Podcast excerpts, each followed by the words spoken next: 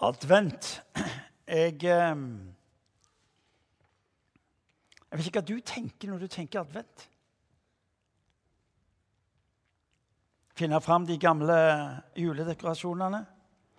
Eh, Irene er jo da for sikkerhets skyld eh, invitert ut på Det kalles for blåtur. Jeg har egentlig aldri skjønt dette ordet blåtur, men, men i hvert fall så er hun invitert meg ut til et sted hvor hun da ikke visste hvor var henne? Eh, det var altså 60-årsgaven til Irene fra Miriam Irene Therese, dvs. Si våre to døtre. Eh, og hun måtte bare seg klar for å bli tatt ut på tur. Og Det skulle skje lørdag ettermiddag til tirsdag ettermiddag. Og hun hadde ikke peiling på hvor det var henne. Eh, og Døtrene drev på og sendte ulike meldinger, slik at hun skulle bli maksimalt forvirra. Så hun ene sa du må ta med deg badedrakten, og andre sa du må ta med deg vinterklær, for det er kaldt der du skal være. Så hun var midt i det. Det er litt sånn en smule forvirra på hvor dette kunne ende opp henne. Men før hun drar og Legg merke til hvor systemet er i vårt hus. Før hun drar, når hun kommer hjem om eh, fredagen, så har altså fruen eh, funnet fram alle sånne juledekorasjoner. For som hun sa, jeg vil komme hjem til et hus som er preget av advent. Og jeg er ikke sikker på det blir så gysla mye med deg. Det sier noe om ulike forhold til type tradisjoner og uh, hva en er vant med å gjøre. Så nå, eh, nå, er det altså så fint hjemme at det er helt utrolig. Så hvis du kommer hjem til meg og tenker at du, her var det virkelig stelt i stand til advent og jul, så, så stemmer det, men det er ikke min skyld. Eh, tradisjon er noe som er viktig i våre liv. Det gir oss en type merkesteiner som vi både kan se bakover på, men ikke minst så hjelper det oss til å se framover. Og Allikevel så bærer tradisjonen med seg noe av utfordringen. Fordi at tradisjonen veldig lett kan si til oss sånn er det, og sånn vil det bli. Det mest tragiske hvis advent for oss bare blir en tid vi ser bakover, Ei tid hvor vi på et vis eh, har et forhold til dekorasjonene, til ord som vi har brukt før. For det, det er godt mulig at eh, vi ikke primært opererer med ventetid, men med ei tilbedelsestid. Ei tid hvor vi skal tilbe Han som valgte å finne en plass på denne kloden eh, for å gi mennesket det mennesket trengte. Ikke det mennesket ønska, men det mennesket trengte. Hvor eh, adventstida ikke bare blir en påminnelse om noe som skjedde, men skaper en forventning om Han som kom, er opptatt med å skape noe nytt i ditt og mitt liv hvor ventetid byttes ut kanskje med tilbedelsestid. Hvor hver dag fram mot jul blir 'Jesus, hva gjør du i dag?' Det er en som har sagt at Gud kopierer aldri. Han skaper alltid noe nytt. Og jul er Noen har sagt det. Jul er den mest dramatiske tida i kirkas historie. For den dagen velger Gud å tre ned blant mennesker som det mest sårbare som tenkes kan. Han sender ikke mennesket en bruksanvisning sier 'gjør det, så går det bra'. Han sender ikke mennesket en, eh, en, en, type livsregler på hva de skal gjøre for å bli religiøs updated og så en gang nå fram til et eller annet. Han kommer, han kommer sjøl. Og det der har tatt meg i stadig større grad. Dette at Gud den allmektige ikke sender oss ord, men han kommer sjøl. Og Dermed så blir Kirka sin synliggjøring ikke primært en synliggjøring av religiøse ideer, men synliggjøring av en Gud som har kommet nær. Folkens, hvis du og vi kan få lov til å gjøre adventstida til en påminnelse om at han har kommet nær, og han er så nær hver enda dag at du aldri skal kunne definere deg ut og si Gud var ikke til stede. Gud er alltid til stede, sier han, i ditt liv. Og så er spørsmålet vil du la Gud få lov til å være Gud i ditt liv. Og Gud gir oss at eh, adventstida kan få lov til å bli sånn ei tid hvor vi våger at Gud ikke bare minnes om den som kom inn, men den som faktisk også fikk lov til å være Gud i ditt og mitt liv. Folk, Det er det vi snakker om. Det er det vi snakker om. Hvis ikke så blir vi bare sånn religiøs klubb eller en religiøs interesseorganisasjon på linje med alt det andre. Og Det er godt mulig at vi må spørre oss selv hvorfor verden er så lite opptatt med det Kirka holder på med. Er det fordi at vi, vi har blitt et folk som snur oss altfor mye bakover? Og så har vi mista dette veldige Gud har sagt 'Jeg er nær dere'. Derfor så vil du som har gått i min kirke denne høsten Du har hørt meg snakke noe om huskirker. Hvorfor snakker vi om huskirker? Jo, fordi vi ønsker at du skal se på ditt hjem og ditt hus som et nedslag fra himmelen. Kjære Gud, altså. Ikke bare et hus med fire vegger og med inndelt rom, og alt det der, men et sted hvor Gud har sagt det skal være et nedslagssted for himmelen. Ja, vet du hva, folkens? Ja, men Det betyr jo at hver gang jeg beveger meg inn i det huset som er mitt hjem, og går rundt der, så skal jeg få lov til å bekjenne at dette, her er himmelen. Her er himmelen til stede. Og du kan si ja, men dagen min kunne vært bedre, så det er alt som kunne vært bedre i ditt og mitt liv. Det er nesten som jeg har lyst til å si. Han gir vel blaffen i det som skulle vært bedre i ditt liv. Utgangspunktet for hans nærvær er ikke det som skulle vært annerledes i ditt liv, men fordi han elsker deg. Mm -mm. Ja, Du og meg er opptatt med å rydde unna rot og alt det som er hjemmet vårt, eller til tider rydde unna rot i våre egne liv. Så sier han hør nå, det er greit, fortsett med det. Men det er ikke derfor jeg har lovt mitt nærvær. Jeg har lovt mitt nærvær fordi jeg elsker advent, jul, inkarnasjonen, som det heter på, fint, er et uttrykk for at Gud elsker. Han elsker samme søren. Ja. Derfor så blir det, som vi har sett i tida som ligger bak i denne høsten, hvordan nøkkelen i kirkas utbredelse aldri var katedralen og kirkebygget, men det var hjemmet. Fordi folk vågte å åpne døra inn i sitt hus. Du er gitt et hjem for Guds nærvær.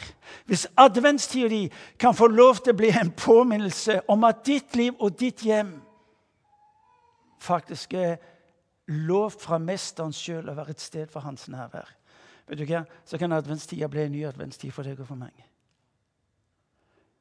Allmaktens Gud med sitt nærvær. Guds nærvær. Tenk på hva det innebærer. Tenk på hva det innebærer.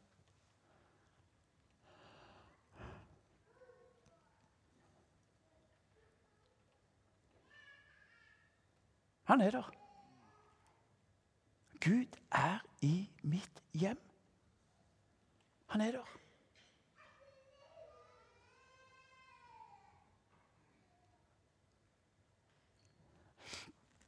Du ser det at det du tror på og fokuserer på, det vil du også få se virkeliggjort i ditt liv og det sted hvor du er, tror jeg. Dilemmaet for deg og meg det er Husker du beretningen om Martha og Maria som, ved, som, hadde tatt imot besøk av Jesus? Og, så, og, og Martha hun var opptatt med å, å, gjøre en hel masse ting, og det må det til tider være. Men søstera hun, eh, hun, plasserte seg ved Jesu føtter, og så, og så hørte hun på det han sa. Og så sies det om Maria når søstera blir litt trukket på henne for hun mener hun kan ta litt tak, hun òg. Og det skal det òg til tider være. Og så sier Jesus vet du hva, hun, hun har valgt den gode del. Du og meg er nødt til å velge. Det er ikke slik at Guds rike kommer seilende på ei fjøl og så eh, tusen pikk. Du, du velger fokus. Du velger om du vil ta imot det han rekker deg. Og det er noe av det som dagens tekst skal få lov til å eh, møte oss med, der vi leser fra Matteus evangeliet, kapittel 5, fra vers 13 til 16. Der leser vi. Bakgrunnen er at dere eh, kjenner bergpreika. Eh, Jesus har eh, begynt å gi ut undervisning om eh, Guds rikets konsekvenser inn i denne verden. Det er radikalt, det er konkret, det er utfordrende til etterfølgelse på det han sier. Bibelen med bergpreika er ikke en sånn et såkalt kristelig ideal. Guds ord er gitt oss til etterfølgelse. Der Guds ord får lov til å slå ned i våre liv, er det nødt til å slå ut av våre liv. Hvis ikke så blir det bare religiøst pjatt. Denne verden trenger ikke vårt religiøse pjatt. Den trenger å se en demonstrasjon av et Guds rike som var slått ned, som du ser synliggjøres jul med konsekvenser for mennesker. Og de fleste av oss som sitter her inne, vil si det hadde konsekvenser for mitt liv. De fleste som sitter i denne Imi-kirka i dag, vil si det som en gang skjedde, ble talt og mennesker tok på alvor, det hadde konsekvenser i mitt liv. Hvis ikke noen hadde tatt konsekvenser av det i mitt liv, så hadde jeg vært på en helt annen plass på denne kloden. Så når Jesus taler sitt ord inn i ditt og mitt liv, så må du høre godt etter. Fordi at han ser etter en konsekvens av det ordet du hører på ditt liv. Fabelaktig! Noen, noen får jo panikken, mens jeg tenker ja, men det må jo være mega. Hvis allmaktens Gud sier noe inn i mitt liv, så er det jo fordi at han ønsker å se det virkeliggjort i mitt liv. Ja, Men det kan jo faktisk bli noe av, da. Hører du? Hører du? Folk får panikk når Gud taler. Du må jo snu på det, og så må du si ja, men dette er jo kjempe. Hvis Guds ord sier noe som skal ha konsekvenser i mitt liv, så tenker jeg ja, men det må jo være kjempe. Å være med på det som Gud vil i mitt liv. For det er jo det som er nøkkelen. Det er ikke slik at jeg sier OK, Mr. Cave, her har du det, gå og gjør det. Og så kan jeg se på om du fullfører det der. og Hvis det ikke blir noe, så kan du regne med at du treffer meg i enden på denne veien, og da skal du få. Nei. Han opererer ikke slik. Å være med på det Gud gjør. Hør nå godt etter. For denne teksten den utfordrer oss, men la den få lov til å utfordre deg på den måten at du sier OK, jeg er med, jeg. Jeg er med. jeg. Dere er dette er dere på Stavanger. Dere er jordens salt. Men hvis saltet mister sin kraft, hvordan skal det da bli gjort til salt igjen? Det duger ikke lenger til noe, men kastes ut og tråkkes ned av mennesker. Dere er verdens lys.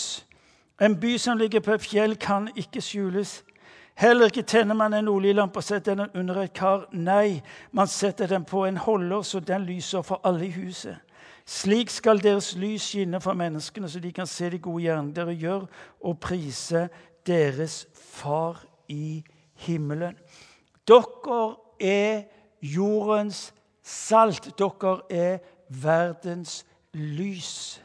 Guds nærvær. I The Message står det i Johannes evangeliet kapittel 1 at Gud har flytta inn i nabolaget. Du hørte meg si ditt hus og ditt liv er et sted hvor Jesus har flytta inn. Han har kommet nær. La oss spole litt. Når Bibelen taler inn i ditt og mitt liv om ting som har konsekvenser for ditt og mitt liv og verden rundt omkring oss, så er det med utgangspunkt i hva han sjøl vil gjøre. Kan dere nikke, dere som får tak i dette her? For Hvis ikke så vil kristentroen være ei Det vil være et mareritt. For hvem av oss er i stand til å matche det Gud inviterer oss til å gjøre? Ingen av oss. Men hvis det starter med Gud Jeg husker november måned i 1968. Jeg hadde ikke peiling på hva kristen tro var. Så mye. 1968 jeg gikk på en kristelig folkehøyskole eh, sør på Jæren. Har ikke sagt hvor det var. Eh, og kom altså fra det absolutt store intet på motorsykkel inn på plassen og var allerede plassert. Uh, og, og, der snakket de om Jesus, og de snakket om Det var mye som var gale. Herlig freden. Så helvete, ble gysla godt pensla ut. Det, det var det ikke tvil om. Det var et alternativ. Jeg tenkte, Det der kan ikke være noe alternativ. tenkte jeg. Så, eh, men så gikk det jo opp for meg. For Jeg husker jo fra skolen at denne Jesus han, eh, han hadde jeg respekt for. altså. Skjønte jo ikke hva han holdt på med, men jeg skjønte at han var, han var det noe spesielt med. For alle snakket jo fint om han. Har du lagt merke til det? Gandhi og alle disse folket, alle filosofene, alle opp gjennom historien, de snakket jo fint om han. Så tenkte jeg Jesus kan jo ikke lyke. Så jeg fant ut ok, november i 1968 så sier jeg du, hva, hva gjør jeg for å bli kristelig? Det er helt sant. 5. november 1968.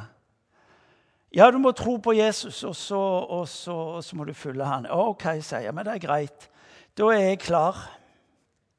Jeg er en såkalt uh, eh, INTJ i Miles Briggs. Det betyr jeg jeg handler ikke på følelser, jeg handler på det som er logisk og fornuftig. Så tenkte jeg ja, men da er det greit, da. Da er jeg klar, jeg. Så enkelt er det. Så jeg sa da er jeg kristen. Amen. Av det så har vi gjort det gysla problematisk, det der. Og så hadde de vitnemøte, så bare reiste meg, så sa jeg vil bare fortelle det som det, men jeg blitt kristen. Amen. Så satte jeg meg. For ikke gjøre det mer komplisert enn det. Men så fikk jeg et ord. Jeg vet ikke om jeg leste eller om jeg fikk det. Men det som står i Johannes evangeliet kapittel 1, vers 12, der står det at alle de som tok imot ham, dem ga han rett til å bli Guds barn, de som tror på hans navn. Altså alle de som tok imot ham. Jesus kommer til mennesker og sier han, jeg ønsker å være din frelser. Alle de som tar imot ham, de ga han rett til å bli Guds barn. Piece of cake, no problem. Det regnestykket kunne jeg òg Om jeg forsto det? Nei, det gjorde jeg ikke særlig mye av. Men det er ikke så farlig, det. Hvis jeg skal forstå alt jeg handler på, da blir det rimelig begrensa med cave. Ja. Du er ikke stort bedre enn meg når du kommer til stykket, bare for å si det som det er. Ja, det er mye du gjør som du ikke forstår, men du gjør det likevel. ikke sant? Så alle de som tok imot dem, dem ga rett til å bli Guds barn de som tror på hans navn. Tro. Vi, vi, har av og til gjort det med tro det er kompliserte greier. Det er sånn intellektuelle greier. Rette tanker og få systemene på plass. Det er, sånn, det er typisk klassisk gresk tenkning. Jødisk tenkning er tro og ha tillit til. Ja, ha tillit til det, det som sies. Og så vil vandringen og livet ta meg inn i en dypere forståelse av hva dette innebærer. 5.11.1968 Folkens, Jeg tror jeg kan med hånda på hjertet si jeg kan ikke angre en dag. Livet har vært fenomenalt. Lett? Nei, ikke alltid like lett. Men det har vært fenomenalt. Den dagen inviterte Jesus inn i hjertet mitt. Fra den dagen har han vært nær. Vet du hva? Advent, jul, inkarnasjon sier noe om en Gud som har kommet nær. Han har flytta inn i nabolaget. Kult. Tenk hvis den fine naboen begynner å si vet du hva, der bor han og hun, og der er Gud òg. Ja, hvordan vet du det? Der er et eller annet spesielt. Der er et eller annet som vokser ut av det huset som gjør at det, det må, Ja, du greier på Gud? Nei, det vet jeg ikke, men jeg kaller det for Gud fordi de folka snakker om Gud. Og så, og så begynner de å tro det, og så begynner de å handle på det. Du skjønner det, din forståelse av hvem du er, gir deg også en holdning til deg sjøl og omgivelsene som fører til handling. For hvis Gud ser på meg som sønn og deg som datter, som medarbeider, til tider som tjener så videre, da får jeg lov til å se på meg sjøl som sønn, men også medarbeider. Vi er begeistra for å snakke om Gud som far og deg og meg som, som sønner og døtre. Men vi kan ikke bare snakke om det. Er du med? Du er også medarbeider. Allmaktens Gud trer inn i denne verden og sier, 'Martin, du er min medarbeider.' Ja, det er klar. Her skal det bli tut og kjør. Ja. Eller tjener. Ja, i perioder jeg syns det er helt OK jeg er tjener. Ja. Gå rundt her i huset og plukke opp søppel som de andre ikke ser, eller tømme båsbytta, eller Eller, eller, eller, eller. Eller, eller. Ja. Dagens tekst tar oss ifra en posisjon til det som skal få lov til å være en eh, hensikt eh, som innebærer innflytelse, en funksjon. Fra posisjon som sønn, datter, til at du skal få lov til å ha funksjon. Du skal få lov til å se livet ditt ha betydning. Du er inne i denne verden med en hensikt. Gamle reformatoren sa det 'bli hva du er'. Og så tar Jesus oss inn i beretningen om salt og lys. Legg merke til for det første, Jesus bruker ordene salt og lys for å beskrive hva etterfølgelse av han innebærer. Tro er etterfølgelse med konsekvenser. Og hør nok godt etter, og la meg få lov til å utfordre deg. Etterfølgelse betyr ikke å gjøre så godt som du kan. Etterfølgelse betyr ikke at nå må jeg være snill og grei og renslig og alt det der. Eh, og være Og når Bibelen taler om tro, så taler den om etterfølgelse, om fellesskap med, om å være en del av noe Gud gjør inn i vår tid, gjør inn i denne verden. Tro er hør nå, tro etterfølgelse med konsekvenser. Guds rike konsekvenser. Du ser det litt lenger ute i, teksten hvor, hvor, Jesus sier at for når de ser at dere lever slik, så skal de gi min far ære. Du er skapt med en hensikt for at mennesker skal se Gud. For ved å se Gud vil de våge å tro på Han, og så vil de våge å tro at Han er god og fullende. Ja.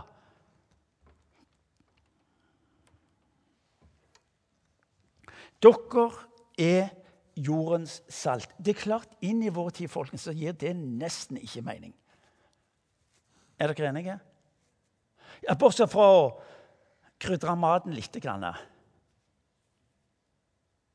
Men ordet salt gir nesten ikke mening.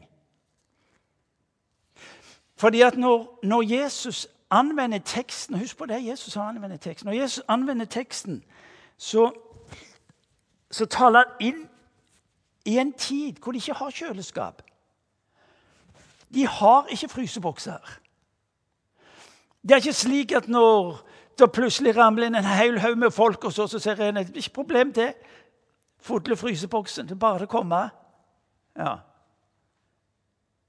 Lagre mat. Mat som er bevart. Salt hadde en helt bestemt funksjon. Salt hadde mange forskjellige funksjoner. Det var salt imot, eh, bevaring mot forråtnelse. Salt representerte alternativet til det råtne. Forråtnelse. Salt representerte det som bevarte, det som gjorde at tingene ikke ble ødelagte. Bevare mot forråtnelse på den ene sida, ja, men på den andre sida også gi smak forbedre opplevelsen. Tenk å kunne få lov til å bli oppfattet. Hvis bare vi er i nærheten av andelen, så blir livet kvalitativt forbedra. Han er som en sånn type salt på livet. Og yes! Vi må være sammen med han fordi at, eller hun fordi at eh, sammen med dem så er det noe som løftes. Det er noe som løftes.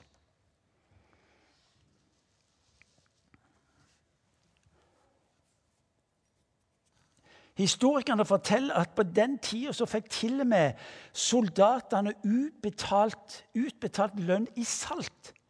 Det var verdien som man ga på det den gangen. Så på et vis så, så Jeg er ikke sikkert vi skjønner så mye av den teksten, men du skal få tak i poeng likevel.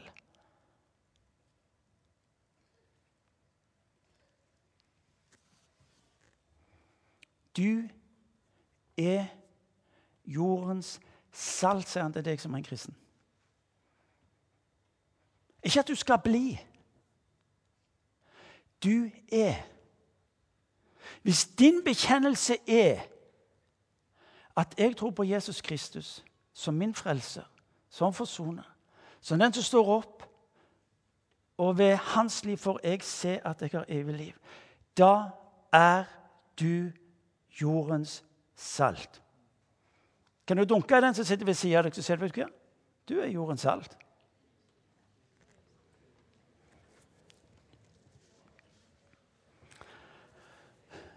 Kan du dunke den som sitter ved siden av deg, så sier du 'Jeg er jordens salt'. Det er verre.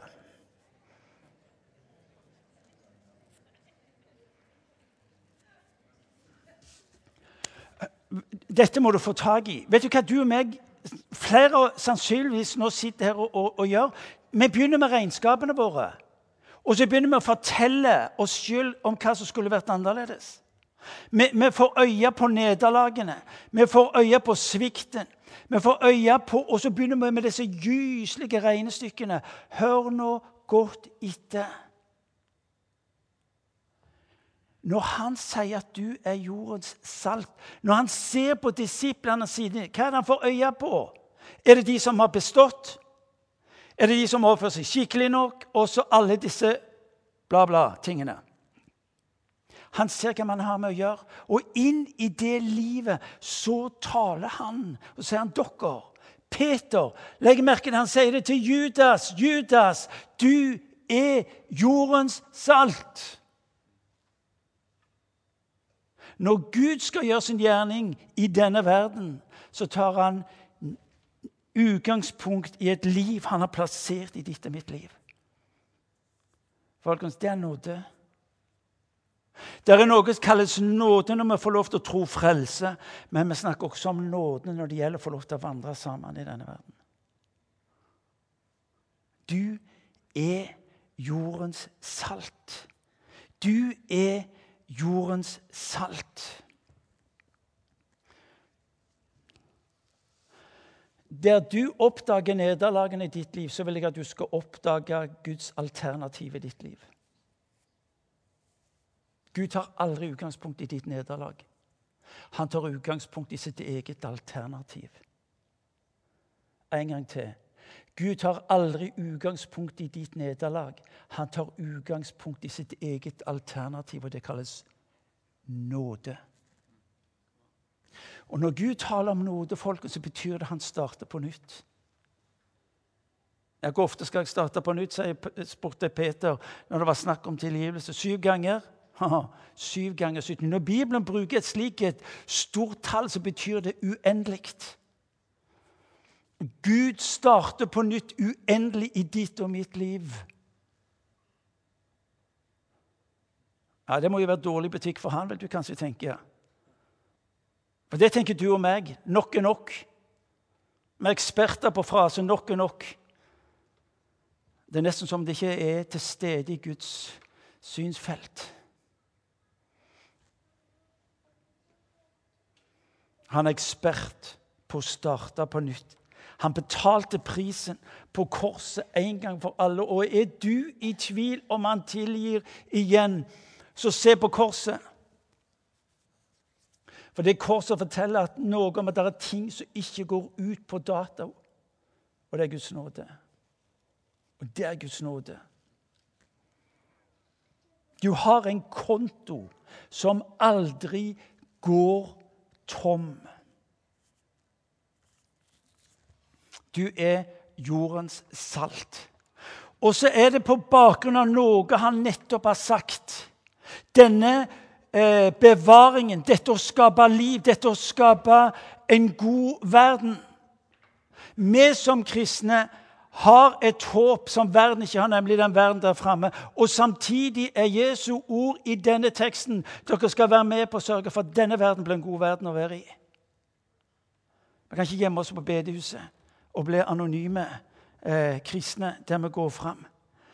Han sier dere og jordens salt, og han sier det på bakgrunn Hør nå han sier det på bakgrunn av. Han sier salig de som er fattige i ånden, for himmelriket er deres. Salige er de som sørger, for de skal trøstes. Salige er de ydmyke, for de skal arve jorden. Hør når han snakker om noe som er offentlig, som er synlig, og som er tilgjengelig for de som er rundt. Salig er de som hungrer og tørster etter rettferdighet, for de skal mettes. Salige er de barmhjertige, for de skal få barmhjertighet. Salig er de rene av hjerte, for de skal se Gud. Salig er de som skaper fred, for de skal kalles Guds barn. Salig er de som blir forfulgt for rettferdighets skyld, for himmelriket er deres. Ved å leve ut bergpreika Hør nå, så blir Kristus attraktiv. Ved å leve ut bergpreika blir Kristus attraktivt. Fordi de får møte. De får møte med en som er nær, både i det som er fattig, i den som kjenner seg utslått, i den som slåss med ufred, osv. Dere er jordens salt. Du er jordens salt. Det er ikke noe du skal streve med å bli. Det er noe du skal få lov til å se som en del av ditt eget liv. Dere er verdens lys. Dere er verdens lys. Du skal ikke bli verdens lys. Du er det. Du er det. Hva er livet vårt uten lys, folkens? Da er det mørket som rår. Denne verden trenger verdens lys. Vi kan ha et oppgjør med verden, med samfunnet, med menneskene rundt oss. De stiller med at det lys som du får lov til å ha i ditt liv, som skinner innover, men som også skulle få lov til å skinne innover, det har de ikke. Du har det. Et lys som gir retning, et lys som gir liv, et lys som gir varme. Det har tatt bolig i deg for at alle skal kunne se. Det er ikke en spenstig pastor som, som sier dette til dere, men det er Kristus sjøl som, som, gir deg og meg dette ordet, fordi at vi skal våge å tro at dette er mulig. At dette er mulig ved ditt og mitt liv. Kanskje tenker jeg, men vent nå litt. Det var jo Jesus som var verdens lys. Det er helt riktig. Men han har tatt bolig i deg. Han har tatt bolig i deg. Og så er det altså noe av inkarnasjonen som du vil julens ubegripelighet. Jesus kommer til verden ved jula, til i deg ved pinsen. Dere er et tempel for Den hellige ånd. Og så er det som han sier, ja, så lev i henhold til det, da. Leif Hetland, dere husker han. Han Kjartan og Eirin var sammen med, med Leif Hetland i sist helg. Og så spør Kjartan eh, eh, Leif du, hva er det som skjer. Kjartan forteller det helt spesielt. Når Leif Hetland kommer inn, så skjer det noe med, med atmosfæren. Og Så spør Kjartan han, hva er det som skjer, og så sier Leif når jeg kommer inn, uansett hvor jeg kommer inn i, hvilket rom jeg kommer inn i, så bestemmer jeg meg for å forandre atmosfæren. Så bestemmer jeg meg. Jeg velger å forandre atmosfæren i dette rommet. Hvordan kan du og meg se saltets funksjon, lysets funksjon, virkeliggjøre seg mellom oss? Du må velge det.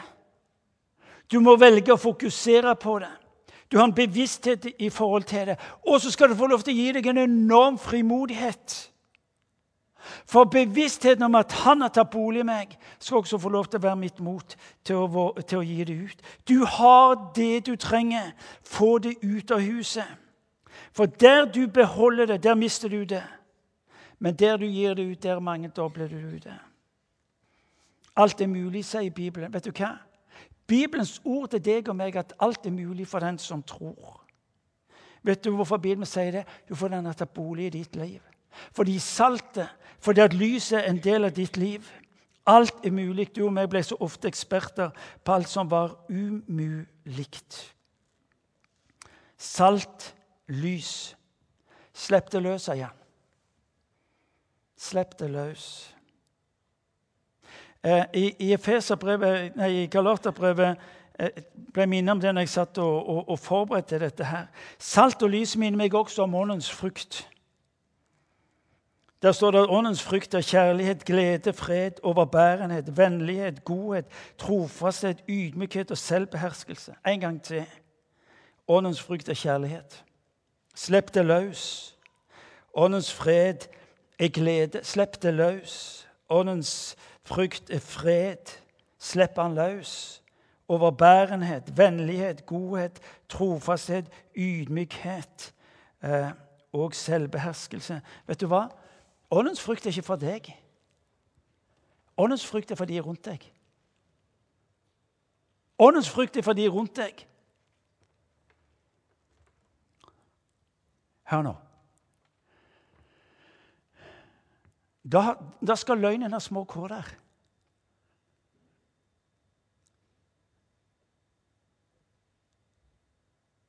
Da skal uvennligheten ha små kåler.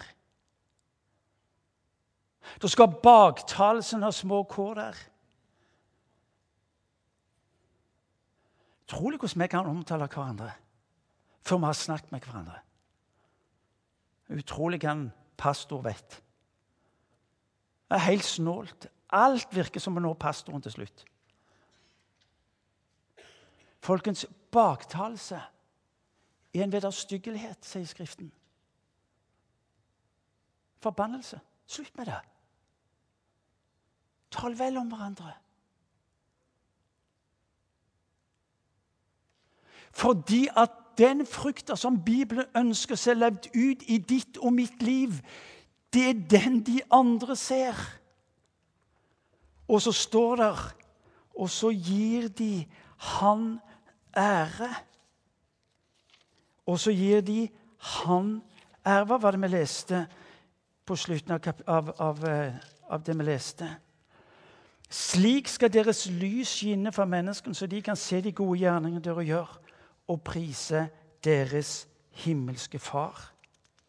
Når mørket rår, så sårer vi hverandre, skader hverandre. Derfor trenger denne verden deg. Vi må begynne å slutte. Slipp det løs. Bare et par ord, for du, du kan faktisk miste dette her. La meg gi et eksempel. Jesus sier Jeg har forberedt meg, dere ser det. Jesus sier at 'sett i skjeppa', eller i staken, sier han. Men det som dekkes til, det mister du.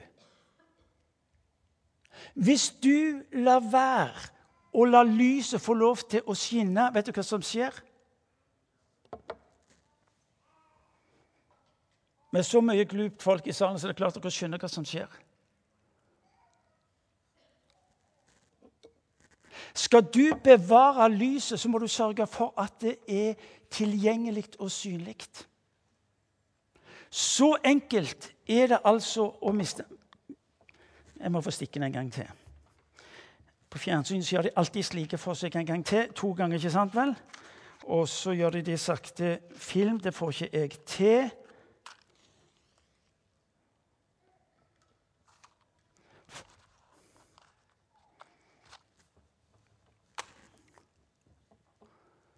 Dette er deg. Dette er deg.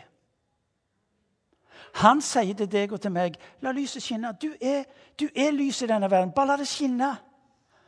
Så kan slippe å anstrenge deg.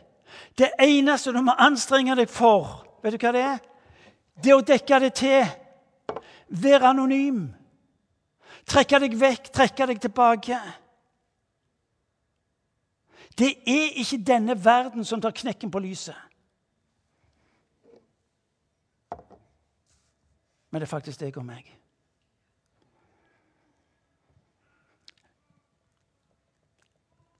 Samme med saltet. Saltet mister sin kraft når det blir værende, eller når du blander det ut. Du lar omgivelsene ha innflytelse. Bibelen sier 'bli likedannet med Han'. Din og min store utfordring det blir likedannet med omgivelsene. Denne verden orker ikke smakløse kristne. De vil ha det som det er saft på, salt på. Det er at de som er fremmed for troen, de forventer at du og meg er tydelige. Det var en som sa det slik at eh, du, når, når dere kommer sammen Dere snakker ikke mye om tro. De som ikke tror på Jesus, de forventer at du og meg våger å sette navnet på det. Men vi går jo rundt og tror at hvis vi snakker om Jesus, så vil de kjenne seg uvel. Tvert imot.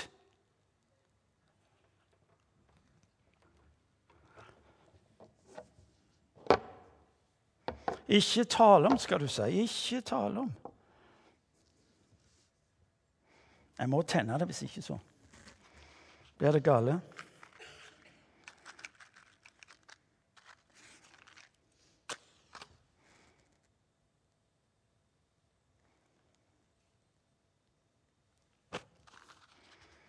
Dere husker det? Det er ikke motstanden mot din tro på Jesus. Det er ikke omgivelsene som primært har livet på lyset i ditt liv, men det er faktisk du sjøl. Der motstanden reiser seg mot Guds kirke, blir martyriet en pris, og kirka eksploderer. Verden forventer at du og meg skal gi det ut. Jesus sier det tydelig. Eh, en by som ligger på et fjell, kan ikke skjules. Kristentroen er en offentlig sak, og Jesus sier det egentlig med ett ord. Det er skinn. Skinn. Sørg for å lys, fordi du er skapt med en hensikt. Eh, kan du tenke deg noe så deprimerende? Eh, er det pluss det heter dette Aftenblad-organet? Kunne intervjue en der framme, og så blir det, et av spørsmålene er religion. Og så står det religion, og så står det kristen, og så står det praktiserende. står det Neste spørsmål. Og så er svaret nei. Hvordan ferdige folk gjør det? Kristen, religion, kristen, praktiserende nei. Ja, men det, det er jo klin umulig.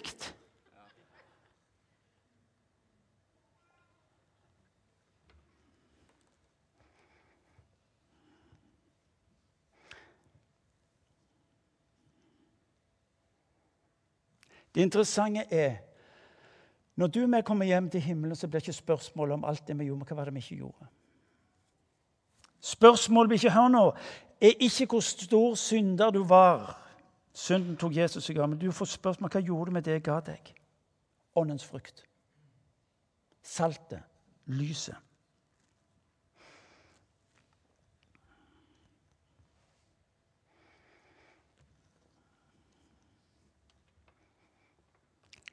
Du er lys. Og så tenker du ja, men hva er jeg? Nei, Ett snøfnugg har ikke stor betydning. Men er det mange nok som lammer det til samfunn? Kan dere ta fram mobiltelefoner, alle sammen?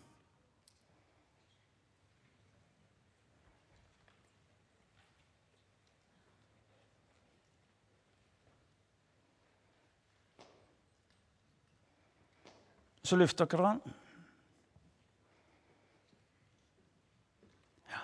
Ja, det er bra. Bjørn, Jens Fredrik, kan du skru av lyset? Alt lyset i salen. Forsiktig.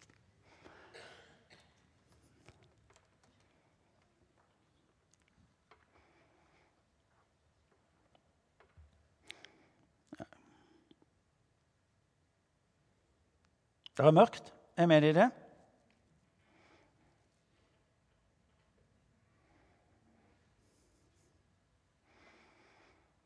Det er det ene lyset. Kan dere ta og sette få på lysene på deres telefoner?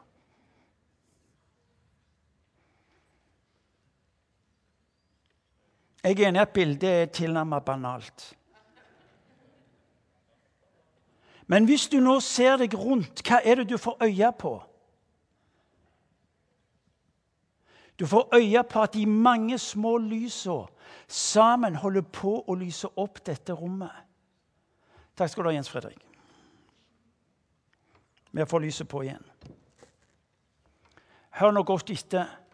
Mørket er fravær av lys. Denne verden har egentlig ikke sagt nei til Jesus, men de ser bare ikke hvor lyset er henne. Og du er bærer av dette lyset.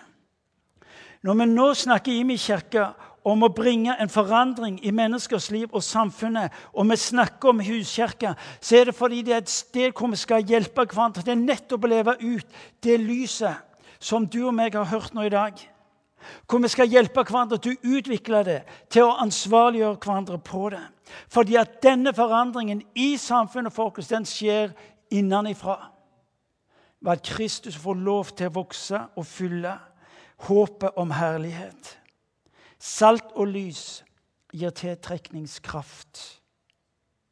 Saltet og lyset er bildet på Jesus i deg, i ditt og mitt liv i dag. Vi vil at denne byen skal merke at vi er her.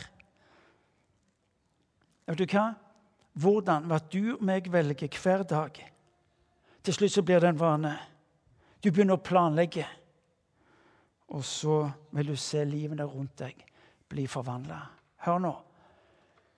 Når Jesus taler om salt og lys for deg og for meg, så snakker han om tiltrekningskraft.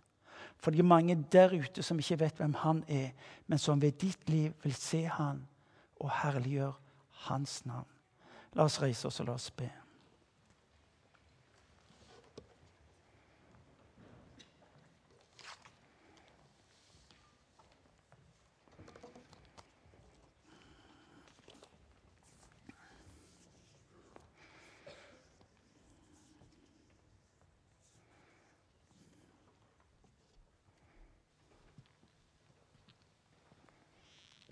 Det kan være ensomt å være en kristen. Derfor har Bibelen aldri omtalt oss som solokristne. Men Bibelen omtaler oss som å tilhøre hans familie, tilhøre hverandre. Derfor har Imi kirke sagt at vi er nødt til å hjelpe hverandre til i større grad ha betydning i mennesker og i samfunnet sitt liv. Derfor snakker vi om huskirker.